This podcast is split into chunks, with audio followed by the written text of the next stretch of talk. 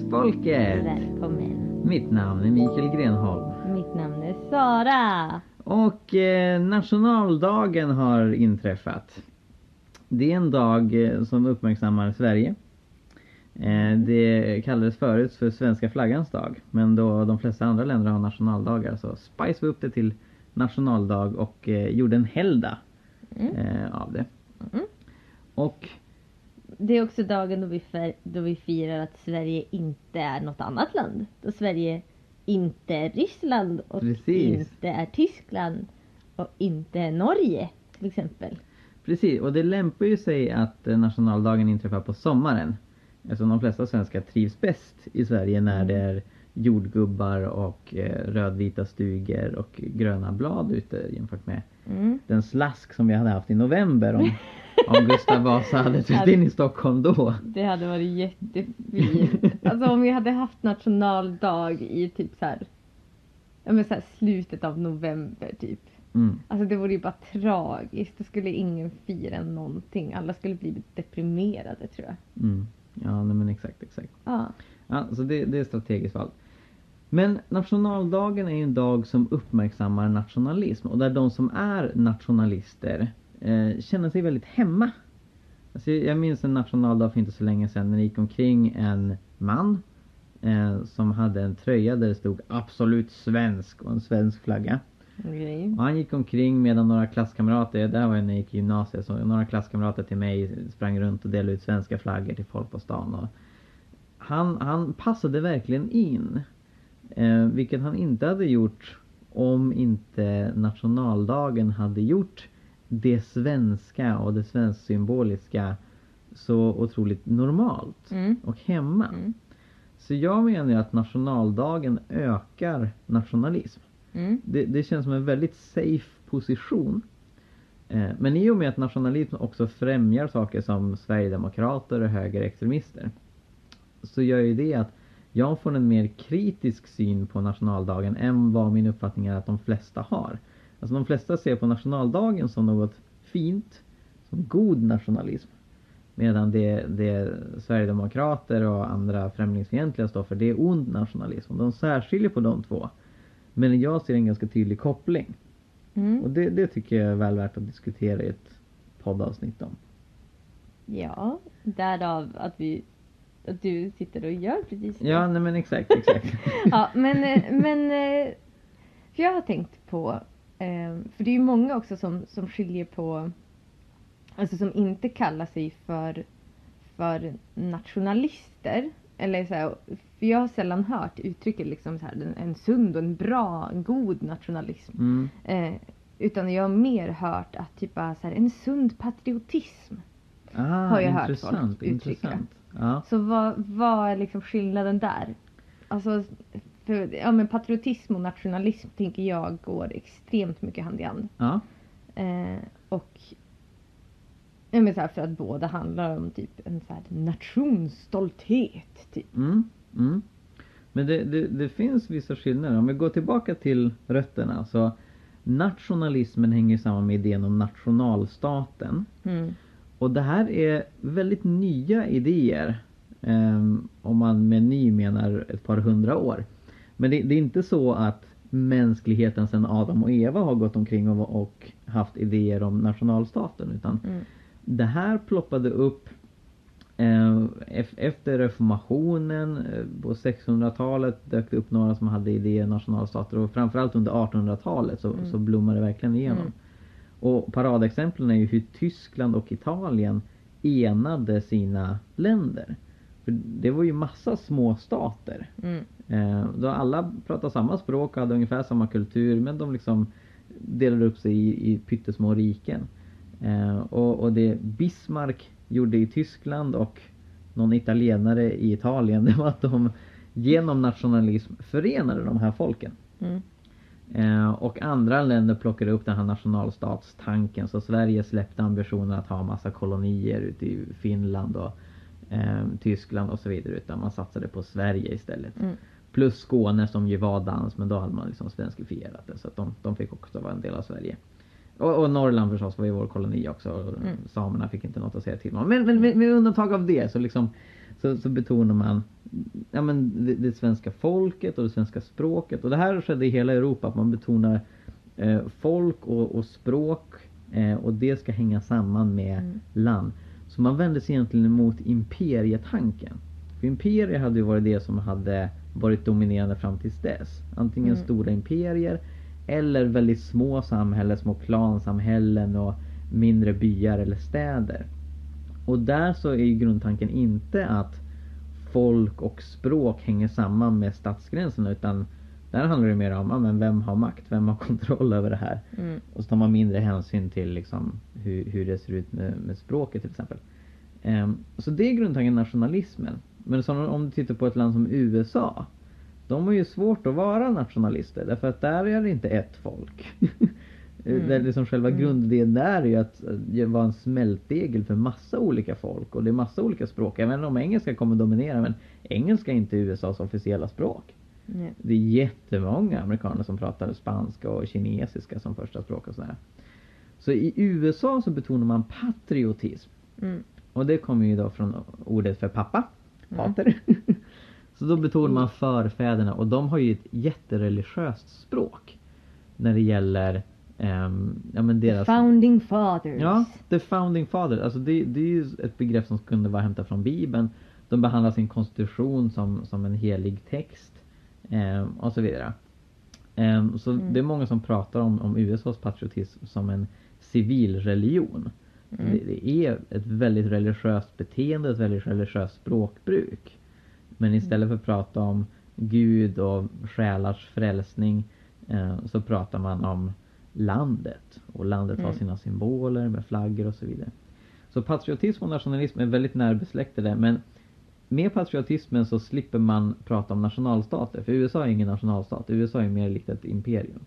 Mm. Ehm, så, så det är väl den skillnaden som jag har uppfattat det. Men det är väldigt intressant att, att har mött folk som inte vill kalla sig nationalister men utan patrioter även i Sverige. Mm. För det känns lite kontraintuitivt att liksom, de, de inte skulle vilja koppla samman det med nation- nationalstaten.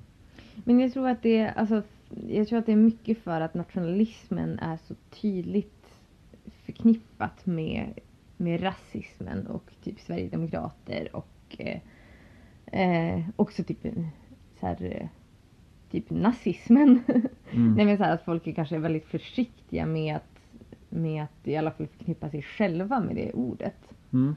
Eh, för att det ändå är ett ganska, eh, så här, ska man säga, be, be, betungt, betungat begrepp. Ja, Eller så här, att det, man lägger in väldigt mycket i det Mm. som folk kanske inte vill förknippas med.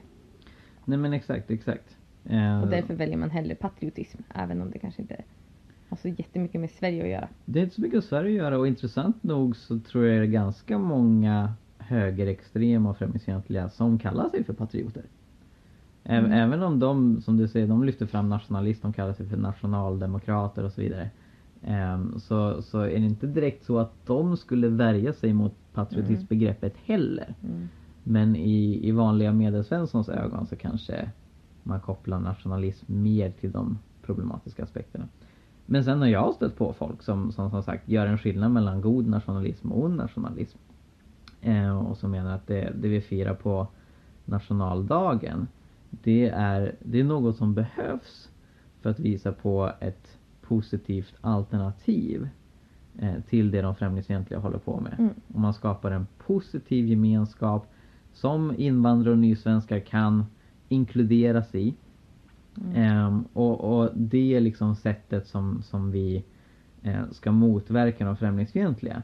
Eh, så att man liksom skapar en sund och god nationalism. Eh, så att inte den svenska flaggan och de olika nationalromantiska symbolerna kopplas till eh, rasister. Eh, det har jag hört många som säger ja, den, Mm. det är så tragiskt att eh, svenska flaggan har kapats av rasister och nu ska vi ta tillbaka den. Ge, genom att skapa en, en god nationalism istället. Och jag uppskattar den intentionen. Men jag, jag är väldigt säker på att det inte har funkat. Mm. Eh, jag, jag är övertygad om att eh, det ökade nationaldagsfirandet efter att 6 juni blev helgdag Och där kommuner satsar jättemycket och i Stockholm släpper de ut tusentals gulblåa ballonger och här i Uppsala så gör de massa firande som kommunen anordnar. Eh, det tror jag eh, spär på och ökar den dåliga nationalismen också. Och jag, jag, jag tycker att god och ond nationalism på ett sätt blir det lite som vit och svart magi. alltså så här, jag, jag uppskattar de som säger nej men jag ägnar mig åt, åt vit magi för att inte tillhöra dem som offrar getter. Men på något sätt är källan densamma. Mm. Att, att det liksom blir att man går in i, eh, i, i det här tänkandet där det egna landet är så viktigt. Mm. Och i synnerhet som kristen så ser jag enorma problem med det. Och, och jag tycker att det i värsta fall är rätt så farligt och i bästa fall otroligt onödigt Mm. att, att ägna sig åt nationalromantik och så vidare. Jag möter fler och fler kristna som kallar sig nationalister. Eh, och, och många av dem betonar just det. Det här, det här är den godartade nationalismen. För än så länge är ju Sverigedemokrater en minoritet, en växande minoritet eh, bland kristna. Eh, nu så rapporterar dagen att en femtedel av de som går i kyrkan vill rösta på Sverigedemokraterna. Så det, det växer. Men det är fortfarande långt ifrån alla. Eh, och då så menar man att eh, det går jättebra att vara nationalist som kristen. Eh, och vissa eh, försöker förankra detta i Bibeln. Så det tycker jag vore intressant att prata om. Ehm, jag har sett framförallt två stycken argument som kristna nationalister använder sig av. Och det ena det är att peka på hur Israel och Jerusalem eh, hyllas och beskrivs väldigt romantiskt och det finns en väldigt eh, eh, ja, men tydlig emotionell koppling till landet Israel och folket Israel i Gamla Testamentet. Och sen det andra argumentet är att peka på att Paulus uttrycker i Romarbrevet hur han önskar att han kunde ge upp sin frälsning för att ge frälsning till sina landsmän, judar som inte har tagit emot Jesus. Mm. Eh, och det menar man är liksom hans Mm. nationalistiska känsla. Mm. Men Ja. det är ju väldigt så här. Eh,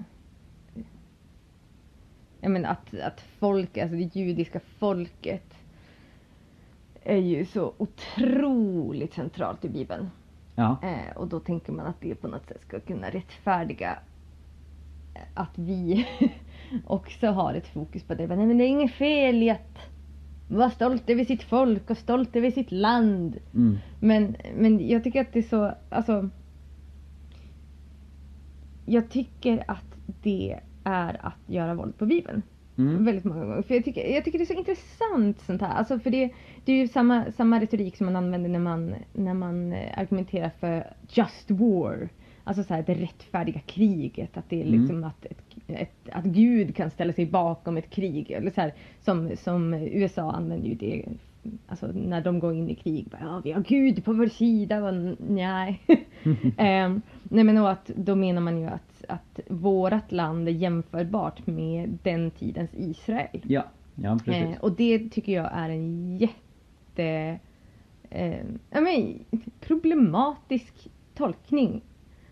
Jätte, jätteproblematisk. För att den, Mm. alltså Israel, alltså Bibeln tycker jag behöver läsas ur ett så här frälsningshistoriskt perspektiv.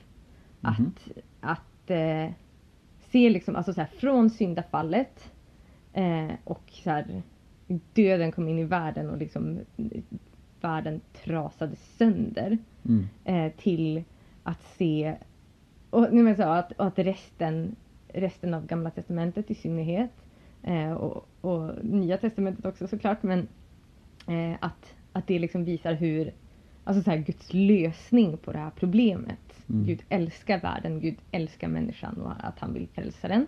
Eh, och i det här frälsningshistoriska perspektivet så är Israel centralt. Det är utvalt till att bära fram liksom världens frälsning. Och därför blir Israel ett, ett extremt viktigt folk. mm, Eh, där, alltså så här, att bevara det rent, att bevara det, eh, eh, alltså så här, att bevara Israel värdigt att bära fram Mm. eh, världens frälsning är extremt viktigt. Inte för Israels skull utan för världens skull. Mm. Eh, och det är ju hela tiden återkommande i Bibeln att så här, jag gör det här för er för att hela världen, eh, alltså så att, att alla löften som Gud ger är för att hela världen ska få välsignelse genom det här.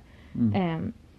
Och att det, det globala perspektivet finns där hela tiden men genom en specifik grupp. Mm. Och det finns ingen motsvarighet till det idag. Mm. Överhuvudtaget. Och jag tror att det är jätte, alltså att man är helt ute och cyklar. Eh, om man menar att Sverige skulle kunna ha samma, samma funktion. Eh, och vi är inte viktiga ur ett frälsnings, världsfrälsningsperspektiv Mm. på samma sätt som Israel på något sätt. Eh, och sen så, ja men, och jag tycker att det, det, att argumentera utifrån gamla testamentet för dagens nationalism. Mm. Eh, när för det första det fanns inte nationalstater då på samma sätt. Oh nej. Oh, nej. inte på långa vägar eh, utan det var liksom folket som var det viktiga där. Eh, och att också prata, alltså så att argumentera för liksom så här ett, ett eh, inte, stolthet över sitt folk utifrån gamla testamentet går inte heller att göra. Mm. För att vi är inte Israel, vi har inte den funktionen. Mm.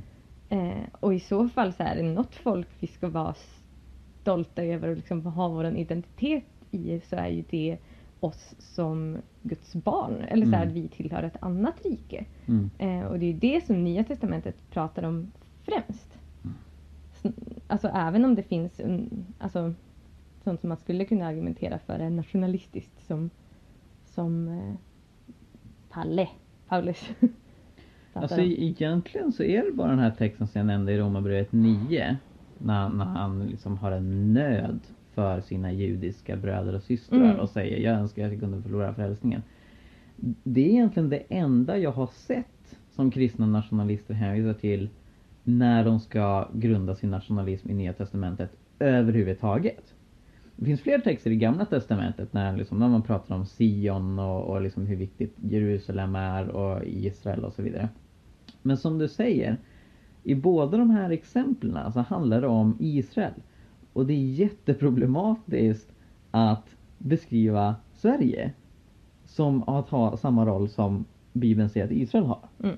För, för det, det är det egentligen man, man säger, alltså det, det som nationalismen skulle behöva det är att Paulus lyfter fram sin identitet som turk. Eh, eller ja, det hette ju inte Turkiet då, men han var ju, han var ju född i mindre Asien. Han kom ju Mm. från Tarsus. Mm. Ja. Eh, eller att han lyfter fram sin ide- identitet som romare. Och, och, och det gör ju inte Nya Testamentet och, och inte ens de som är födda i, i Israel som, som Jesus och flera andra lärjungarna engagerar sig i befrielsekampen. Mm. För liksom utifrån ett nationalistiskt synsätt då, då var det fel att romarriket hade tagit över Israel. Mm. Och då skulle man likt seloterna kämpa för, för självständighet. Den kampen är Jesus och lärjungarna totalt ointresserade av. Mm. Och, och de stöder den inte ens muntligt. Mm. Eh, ut- utan det Jesus gör att han betonar ett annat rike. Mm. Och det här var en tid när det fanns många tankar bland judarna om självständighet. Mm. Eh, och som sagt, det var inte rent nationalistiska tankar för nationalismen fanns inte. men, men det var ändå en tanke om att ja, men, vi ska få tillbaka vårt land från, från eh, romarna. Eh, och, och Jesus spelar inte med det spelet. Och det, och det det vi ser när de försökte liksom gilla fällor åt honom. Ska vi betala skatt åt kejsaren? Ska vi vara vän med, med tullindrivare som stöder den romerska ockupationen och så vidare. Och Jesus pekar på Guds rike, han pekar på att det viktiga är att vi tar oss dit. Helt oberoende av eh, huruvida vårt land är självständigt eller ej. Eh, och det var något som, som de andra kristna förde vidare och jag tycker det blir så förvirrande för även sett kristna nationalister som pekar på det Paulus säger i Romarbrevet 13 om att underordna sig överheten som stöd för någon slags nationalistisk tanke. Men då pratar han ju om, om kejsaren. Han pratar om imperiet. Mm. Eh, som, som har tagit över hans hemland. Så det, det är ju en, en väldigt onationalistisk tanke han uttrycker där. där. Jag skulle säga att hans poäng där och Jesu budskap det handlar främst om icke-våld. Det handlar om att inte försöka skapa revolution, att inte Mm. försöka påverka politiken genom att döda andra människor. Utan fokusera på frälsningen och det Paulus lyfter fram i andra brev som i Filipperbrevet, att vi är medborgare i himlen. Och det Hebreerbrevet säger att vi är gäster och främlingar på jorden. Att det, det viktigaste är det nya Jerusalem som väntar oss i himlen. Det ska vara vårt fokus, det ska vara vår identitet. Mm. Och huruvida vi bor i en nationalstat eller ett- i ett imperium eller en liten stadsstat. Det spelar faktiskt ingen roll. Utan det viktiga är hur kan vi föra människor till tro så att de kommer in i det rike som verkligen betyder någonting. Nej, men och sen så tänker jag också att i, i Romarbrevet 9 eh, så är det ju inte nationalstaten eller ens alltså så här, området Israel som, som eh, Paulus pratar om. Mm. Utan han pratar om folket, Mm. judarna. Eh, och det tänker jag också så här, då måste man ju sätta sig in i, eller liksom, va, varför just dem? För jag menar, han, är ju, han pratar ju många, många, många fler gånger om så här, typ hur viktigt det är med frälsningen till hedningarna. Mm. Det är ju vad han betonar mest. Mm. Ehm, men så pratar han också om, alltså så här, liksom i kontrast till det, att så här, ja, jag vill ha med judarna på tåget också. Eh, men det är ju också, tänker jag, utifrån att, att eh, Paulus, han kände ju sitt folk. Eh, och visste att så här, det, här är, det här är ett folk som alltså så här, under hela historien, alltså ända sedan Abraham har väntat på Jesus. Mm. Och så här, liksom hela traditionen hand, handlar till jättestor del om en Messias förväntan.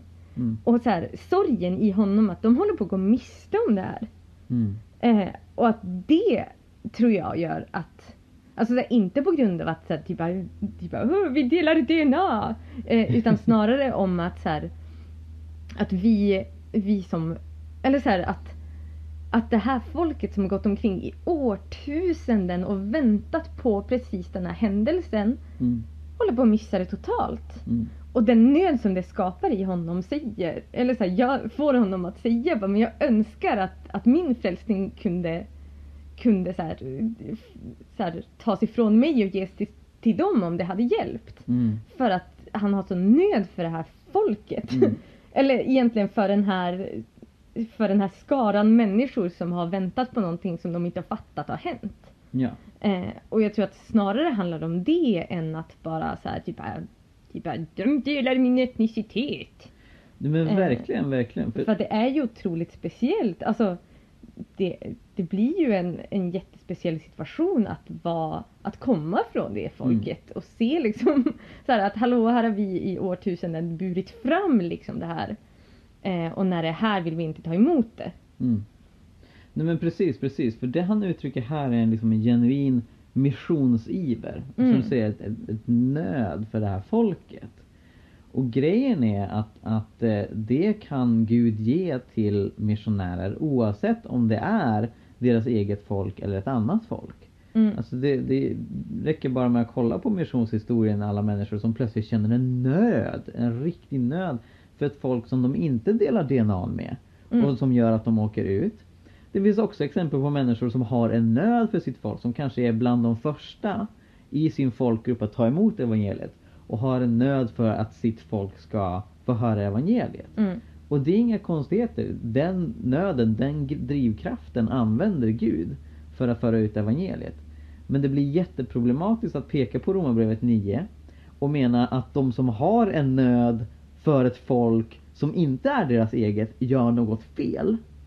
Eller att de som inte har en nöd för sitt eget folk gör något fel. För, för alltså det blir jätteproblematiskt. Det, det blir som att säga att det viktigaste är de här människornas DNA. Snarare än att de här människorna, likt alla andra icke-kristna, saknar evangeliet och nu använder Gud den här missionären genom att ge personen nöd för att de ska få höra evangeliet. Och det är något väldigt vackert oberoende av vilket folkslag det är och oberoende om Mm. missionären Mm. tillhör det folkslaget eller ej. Mm. Nej, men och sen, sen också så tror jag faktiskt inte att det Paulus vill betona här är eh, alltså så här en en etnisk grupp så som Nej. judarna utan snarare om en, en grupp som har, bu, som har burit på en tradition. Mm. Eh, och på grund av det så visade han sån nöd för det här Mm. att som sagt de håller på att missa det de har väntat på i årtusenden. Ja. Och det är supertragiskt. Men verkligen. Eh, verkligen. och att det inte alltså att det inte är folket i sig som han vill peka på här. Att "Åh, folket är så viktigt. Typ. Mm. Mm. Ska vi ta pausa så det inte raderas? Jag minns Mm. att det... Minns att det Alright. Um, det, fin- det finns ett annat bibelord också kom jag på som jag har hört att många nationalister har Ja. pekat på. Jag utelämnade det för att det är egentligen ganska uppenbart att det inte handlar om nationalism. Men det jag tänker på är första Timoteusbrevet 5 och 8 som säger att den som inte hjälper sin egen familj är värre än den som inte tror. Mm. Och det har jag sett att många kristna nationalister använder sig av för att de tolkar familj bildligt eller i utsträckt bemärkelse. Så de säger att det här kan lika gärna appliceras på folk.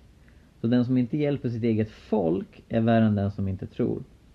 Och om vi tittar på hur kristna sverigedemokrater resonerar så, så pekar de till exempel på när pensionärer inte får sylt på pannkakorna eller inte får påtår på sina äldreboenden. Det beror på att Sverige har tagit emot flyktingar och därför så eh, finns det inte pengar till våra egna svaga. Och därför så agerar vi i strid mot Bibeln. Vi har inte premierat eh, de som tillhör vårt eget folk. Faktum är att Mattias Karlsson som är Sverigedemokraternas chefsideolog. Han skrev en lång essä om Bibeln 2012. Och där så menar han att den rätta tolkningen av detta, trots att han inte är kristen själv. Men han menar att den rätta tolkningen av detta är att vi ska eh, premiera vårt eget folk och framförallt hjälpa vårt eget folk även när andra folk har större behov och är i större nöd. Mm. Det, det menar han liksom den rätta bibeltolkningen. Vad har vi att säga mot ett sådant argument Sara? Det är jättemycket att säga. Alltså, jag tänker bara alltså, att det är rent ut sagt ett extremt obibliskt argument i Mm. övrigt. Alltså att, att eh, Jesus, det är ju bara, det är bara att titta på Jesus. Ja. Han, han eh, sket ju fullständigt i vilket folk människor kom från. Ja. Till skillnad från dåtidens judar som var otroligt etnocentriska. Mm. Eh, där, alltså så här, där, där liksom folket var i fokus och vi får absolut inte träffa samarier och vi får absolut inte åka till andra sidan Genesaret för att där bor det hedningar och så. Eh, utan det här var eller, men Jesus skiter ju bara i det. Ja. Han åker ju omkring överallt eh, och, och så här, möter människor och älskar människor oavsett vad de har för folk. Eller så här, vad de har för etnisk bakgrund. Mm. Eh, så det är ju verkligen någonting som, som Jesus är jättemotkulturell i. Eh, och också så här... Ja men att, att eh, ett sånt tänkande går ju rätt emot tanken på alla människors lika värde.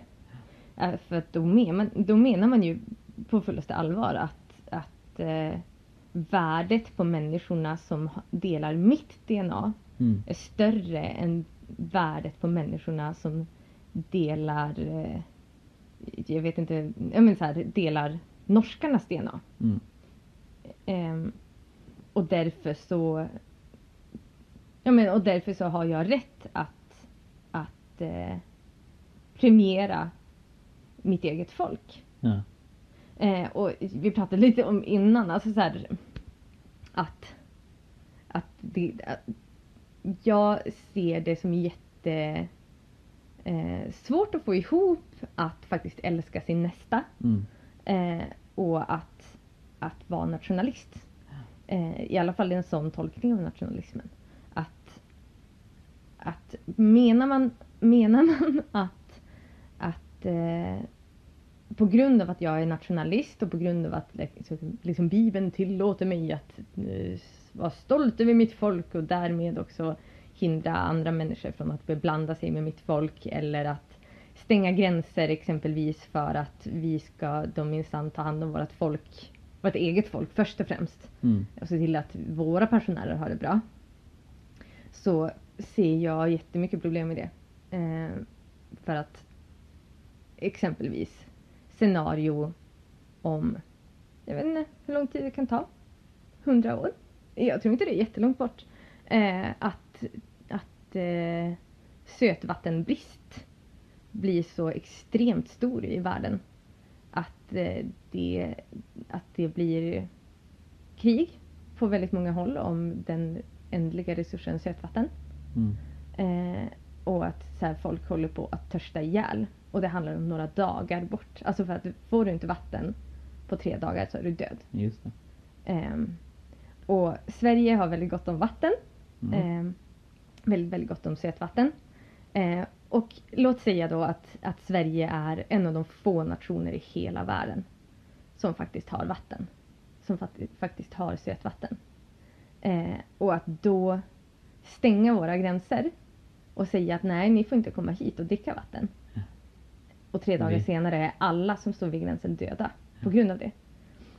Eh, det är inte att älska sin nästa. Det går, det går inte att få ihop med att älska sin nästa. Mm. Och att då kan man eller så här, det, det är ganska vanligt med argumentet att typ nej men jag, jag menar inte att jag hatar alla andra folk. Jag menar bara att jag, Älskar mitt eget. att jag älskar mitt eget folk. Mm.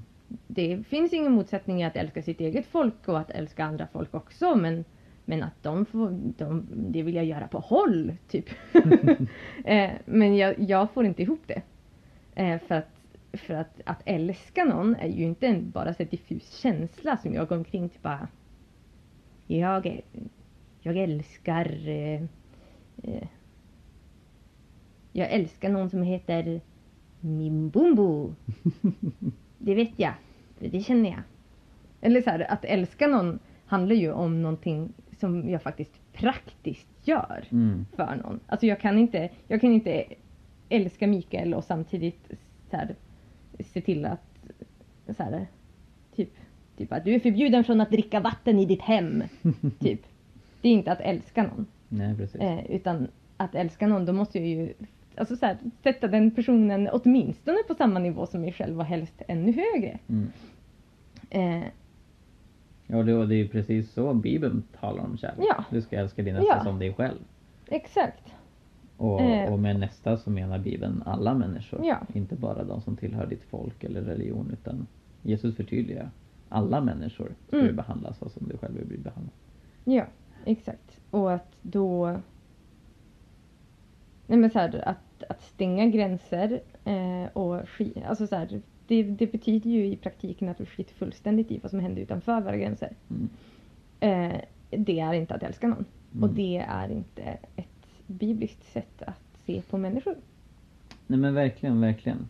För det- alltså det ironiska är att Paulus i den här texten, när han talar om de som inte hjälper sin egen familj, då pratar han om hur kyrkan ska hjälpa änkor. Och han Mm. identifierar ett problem i Timoteus församling, eh, där änkor som har eh, stora behov inte får den hjälp de behöver. Mm. Därför att andra änkor som har släktingar i livet inte får hjälp från sina släktingar utan de får hjälp från församlingen. Och Paulus betonar, nej men de här änkorna som har släktingar, manliga släktingar som arbetar. De ska ju få hjälp från dem. Så att församlingen prioriterar de änkor som inte har eh, några manliga släktingar i livet. Mm. Och det är där han säger det här att de, de, de som inte hjälper sin egen familj och då syftar han på de här männen som skiter i, i sina släktingar som änkor. De är värre än de som inte tror. Så det Paulus försöker Mm. komma åt det är att han vill att församlingen ska prioritera de som är mest nödlidande. Det, det är syftet med det han skriver här. De som är mest nödlidande ska premieras. De ska få hjälp. Mm. Och det är det som blir så absurt när man tar det här och försöker vända det till att de som är mer nödlidande, eh, såsom flyktingar, eh, inte ska få hjälp. Och, och vissa argumenterar ju för att Sverige är ett fattigt land och, och eh, pensionärer har det så mig hemskt. skratta. Nej men så här, för det, alltså, jag har ju stött på massa människor som de, de tror mig inte när jag säger att Sverige är ett rikt land. De säger, men hur kan det då vara äldreboende där pensionärer inte får sylt på pannkakor? Hur kan det vara gropar i vägarna? Alltså jag har hört allt möjligt konstigt.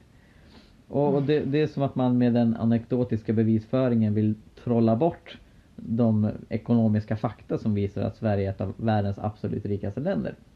Eh, och, och, och, och grejen är också så här att det blir så patetiskt.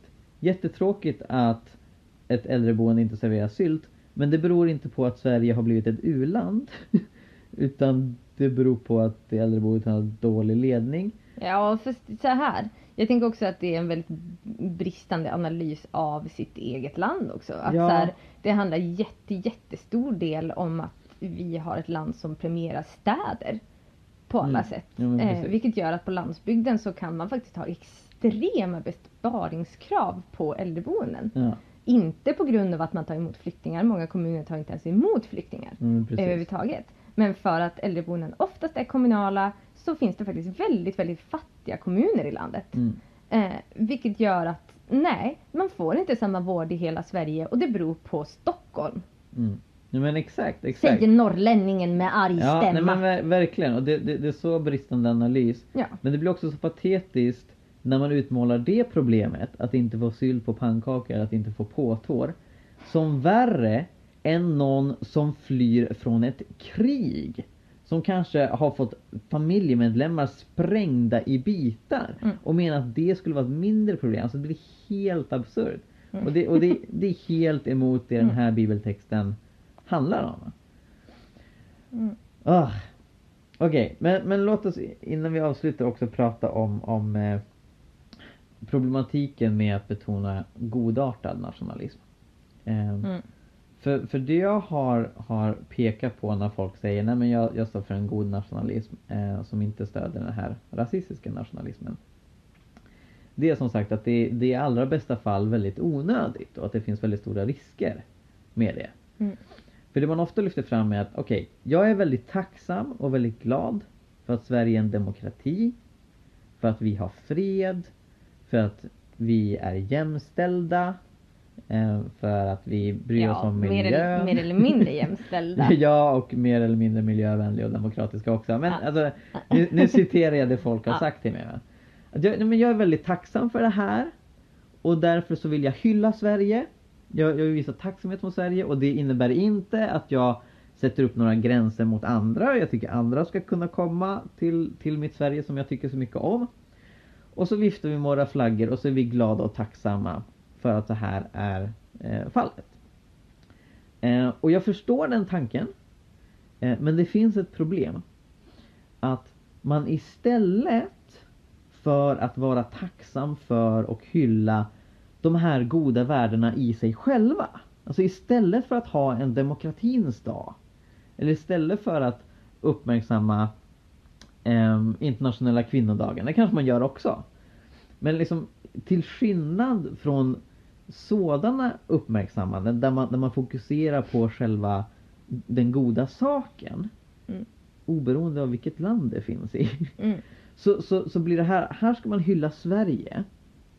Och, och, och det blir alltid ett, att man stänger ögonen för det Sverige gör fel. Att när Sverige utvisar pojkar till Afghanistan, när Sverige utvisar människor till tortyr i Kongo-Kinshasa.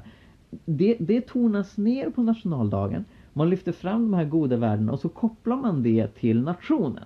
Och säger, ja men Sverige, det landet där vi har demokrati och fred och jämställdhet och miljö. Det blir en skönmålning av landet och istället för att vara tacksam och hylla de här goda värdena i sig så klistrar man på det på landet Sverige. Och även om utvecklingen är att det blir sämre i Sverige, vilket jag Exakt. tycker det blir. Mm. Vi blir mer och mer rasistiska, mer och mer främlingsfientliga, vi skiter i miljön, vi, alltså så här, det, det, det är jättemycket som går åt fel håll. Men var 6 juni år efter år efter år så ska vi berätta den här berättelsen för varandra om hur fantastiskt det är i Sverige. Mm. Och i och med att alla länder gör det här, i och med att Nordkorea och Saudiarabien talar en gång om året om hur fantastiska de är. Så blir det så falskt och, och det blir så problematiskt att göra detta.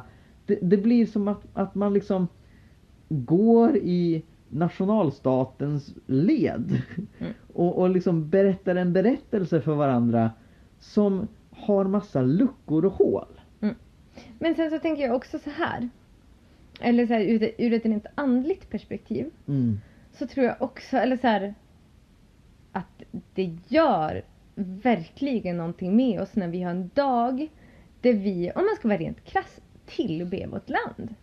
Eller så här, för att Sverige är ju liksom en, en abstrakt idé Ja. om någonting som egentligen inte finns. Alltså en, om, en, om en låtsasgemenskap som, alltså det här har vi pratat om tidigare tror jag. Eh, om, om en låtsasgemenskap som vi har bestämt att den kallas för Sverige. Ehm, och vi har bestämt att den här, att den här låtsasgemenskapen, abstrakta saken Sverige, har vissa värden som vi är väldigt stolta över. Eh, och vi, eller så här, att vi lägger en massa saker och det här är jätteföränderligt, det kan bli vad som helst. Så här, ja, men blir Sverige nästan Nazi-Tyskland så kan vi fortfarande vara jättestolta över Sverige för, Mm. för att vi har en dag som säger att vi ska tillbe den här abstrakta saken Sverige. Eh, nej men, och, och som, alltså så här, det blir en form av tillbedjan. Det blir att hylla någonting som, som eh, alltså så här, jag kan inte vara tacksam till Sverige, för Sverige finns inte. Eller så här, eh, jag kan vara tacksam till våra politiker och framförallt så kan jag vara väldigt tacksam till Gud att jag, alltså så här, att jag får bo på en plats som som har demokrati exempelvis och där ni överhuvudtaget lyssnar på mig och där min röst, trots att jag är kvinna, kan få finnas på internet eh, utan att jag blir stenad.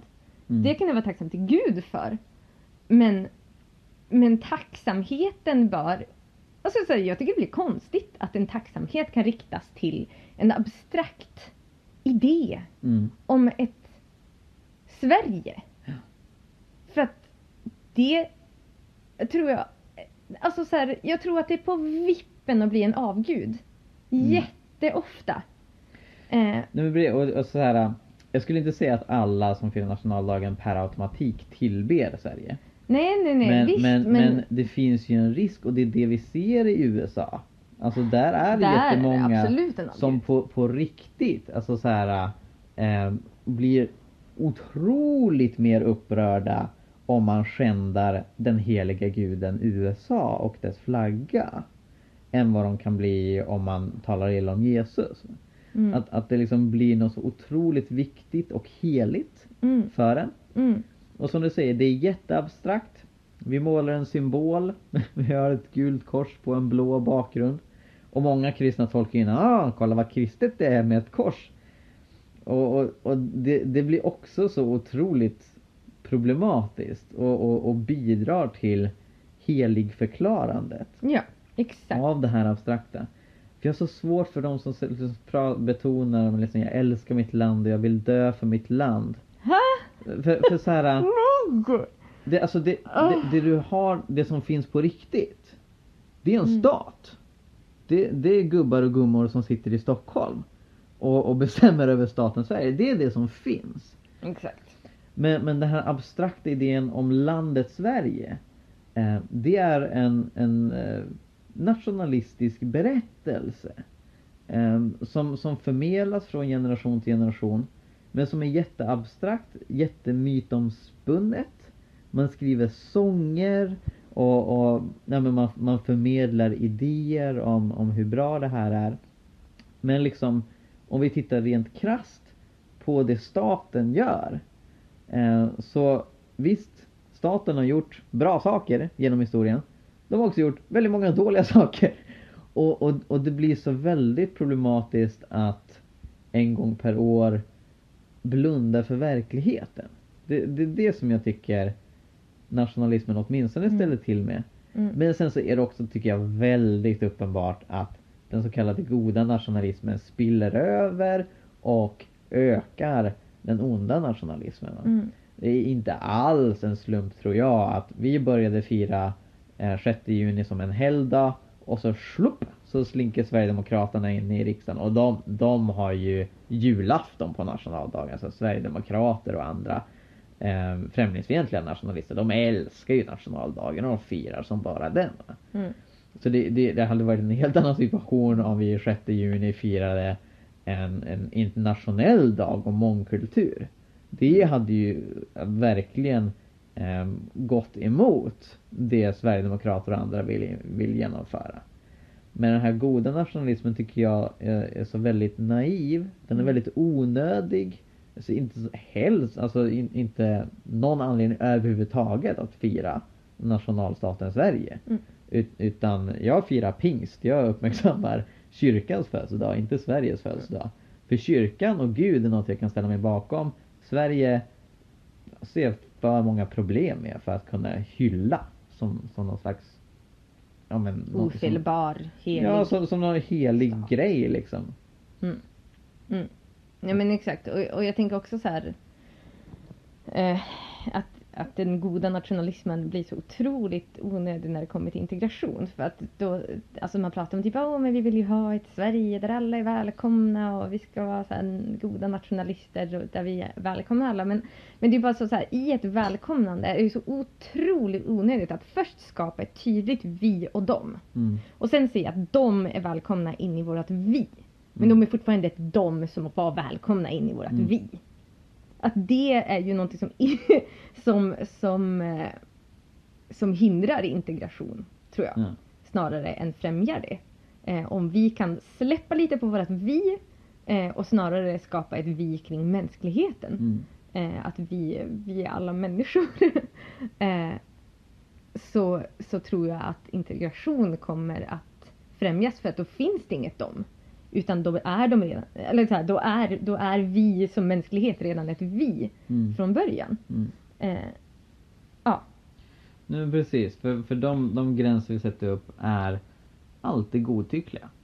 Ja. Eh, och liksom de, de skapas under generationerna men de är så föränderliga. Eh, och det, det är så mycket kopplat till myter och föreställningar som inte grundar sig i verkligheten. Eh, och så som en liksom Ja men en, en egentligen sund och eh, verklighetstrogen människa. Så, så tycker jag vi har all anledning att ifrågasätta de nationalistiska myterna. Mm. Och istället som du säger, se, se på mänskligheten som den är med alla dess färger och kulturer och, och kombinationer. Eh, och sen som kristna att vi betonar Guds rike. Och Guds rike är ett otroligt mångkulturellt rike. Mm. Med alla möjliga språk och kulturer. Eh, där vi har liksom en, en gemensam kung eh, Mm. i Jesus. Eh, men det riket följer inga gränser, det riket använder inga våld. Eh, det riket eh, försöker inte stänga ute människor utan det, det är liksom ett rike av en annan sort. Och Mm.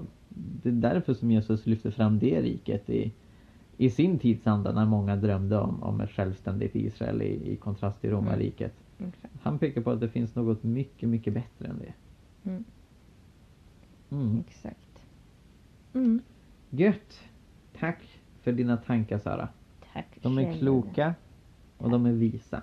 Tack så mycket detsamma. Och tack alla lyssnare för att ni har lyssnat på oss. Och ni är också kloka och visa. Ja, nu precis. Kan tipsa om att imorgon, eh, vi spelar in det här den 5 juni, så imorgon på nationaldagen Eh, då, då så ska jag göra lite, lite några pass. Eh, för vi ska ut och evangelisera med vår församling Mosaik eh, mitt i nationaldagsfirandet inne i Uppsala. Eh, och de här passen ska vara inbjudna till, inbjudan till eh, ett bättre rike. Eh, så det, det är ett tips om, om ni vill göra något eh, evangeliserande på nationaldagen. Eh, bjud in till himmelriket och prata om att det faktiskt är ännu bättre. Hur mycket demokrati och frihet vi än har i Sverige så är det så mycket bättre med det rike där Jesus bestämmer. Eh, så ja, passa på att göra det när det är nationaldag för det, det kan bli skojigt. Gött! Yes. Ja, okej. Tackar. Tack, tack, tack. Ha det fint. Vi hörs. Yes. Eh, Ska vi säga att vi är bortresta under juni? Ja precis. Ja, vi- Nu tar vi paus. Ja men vi, Nu vi tar vi gör väl det. Ja precis. För att vi ska på semester. Brö- Tågluff. Bröllopsresa. Tågluff. Ja, men precis. Vi, Smekmånad. vi ska på smekmånad. Det är härligt. Usch! Eh, så gillar inte det ordet. vi, vi gifte oss i september som, som eh, trogna lyssnare vet. Men eh, vi väntade med bröllopsresan i och med att Saras plugg satte igång direkt. Så Mm. att, eh, nu kommer den. Eh, Så vi är borta. Vi är borta i juni, i juli kommer vi vara ledare på Tonårsbibelskolan. Vi får se om vi slänger med något poddavsnitt därifrån. Det kan bli svårt. Nej, jag tror inte det. Nej. Men eh, vi hörs i augusti. Ja, det gör Helt vi. enkelt. Det gör vi. Superfint. Mm, och då är det typ jättesnart innan Jesus Feministpodden Ja, då kommer den. Håll utkik efter den. Mm. Jag tycker vi kan, vi kan väl kanske ära första avsnittet även på Jesusfolket så liksom introducera kanske folk. det kanske. Ja, nej, men det är en idé. Ja. Gött. Ha det fint. Ha det bra. Adjö, bye, adjö, adjö. Hejdå.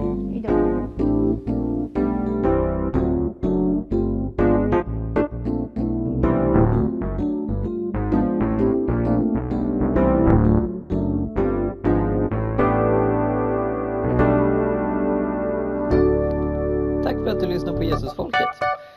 Den här podden drivs av Jerusalemprojektet som också står bakom bloggen Hela Pingsten. Och för att se hur du kan stödja och hjälpa oss utveckla podden vidare, gå in på jerusalemprojektet.org och läs mer. Gud välsigne er, ha det bra, hejdå!